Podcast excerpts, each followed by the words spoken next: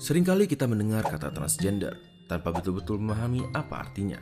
Sebagian dari kita mungkin tahu bahwa transgender dianggap oleh sebagian orang sebagai suatu penyakit mental. Tapi, apakah benar seperti itu adanya?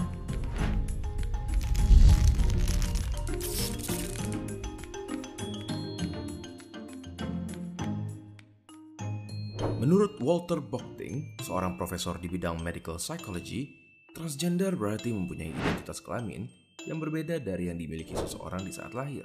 Sebagai contoh, seorang transgender akan mengidentifikasi diri sendiri sebagai seorang perempuan walaupun dia lahir dengan fitur tubuh laki-laki. Ini berbeda dengan orientasi seksual yang mengacu kepada ketertarikan dan perilaku seksual.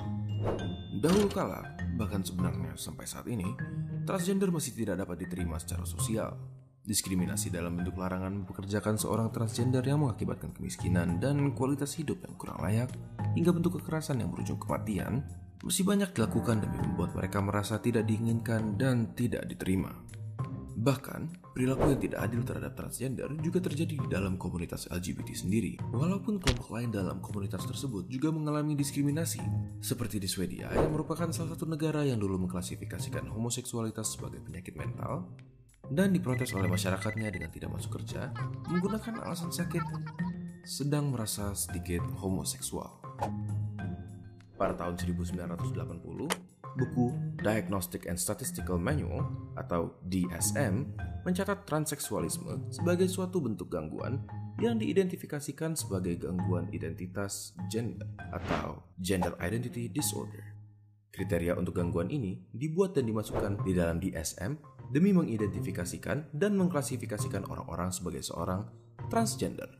Tidak hanya itu, WHO atau World Health Organization juga mempunyai peran dalam mengklasifikasikan transseksualisme di dalam daftar global kondisi medis mereka yang disebut International Statistical Classification of Diseases and Related Health Problems, disebut juga sebagai ICD, di mana menjadi seorang transgender dianggap sebagai seseorang yang mengidap penyakit mental.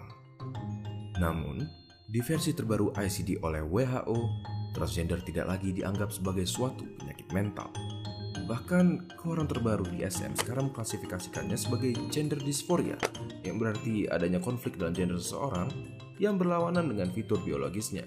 Seorang koordinator dari WHO, Dr. Leo, mengatakan bahwa langkah ini diambil karena kita telah lebih dalam memahami bahwa transgender bukanlah suatu kondisi kesehatan mental dan membiarkannya tetap di posisi terdahulu akan menimbulkan stigma.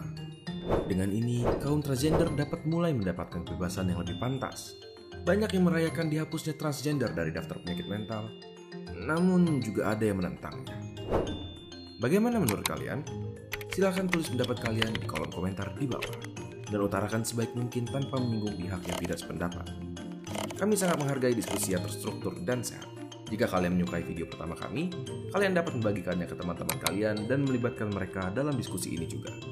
Jangan lupa untuk subscribe jika kalian tertarik dengan konten berikutnya yang akan kami sampaikan.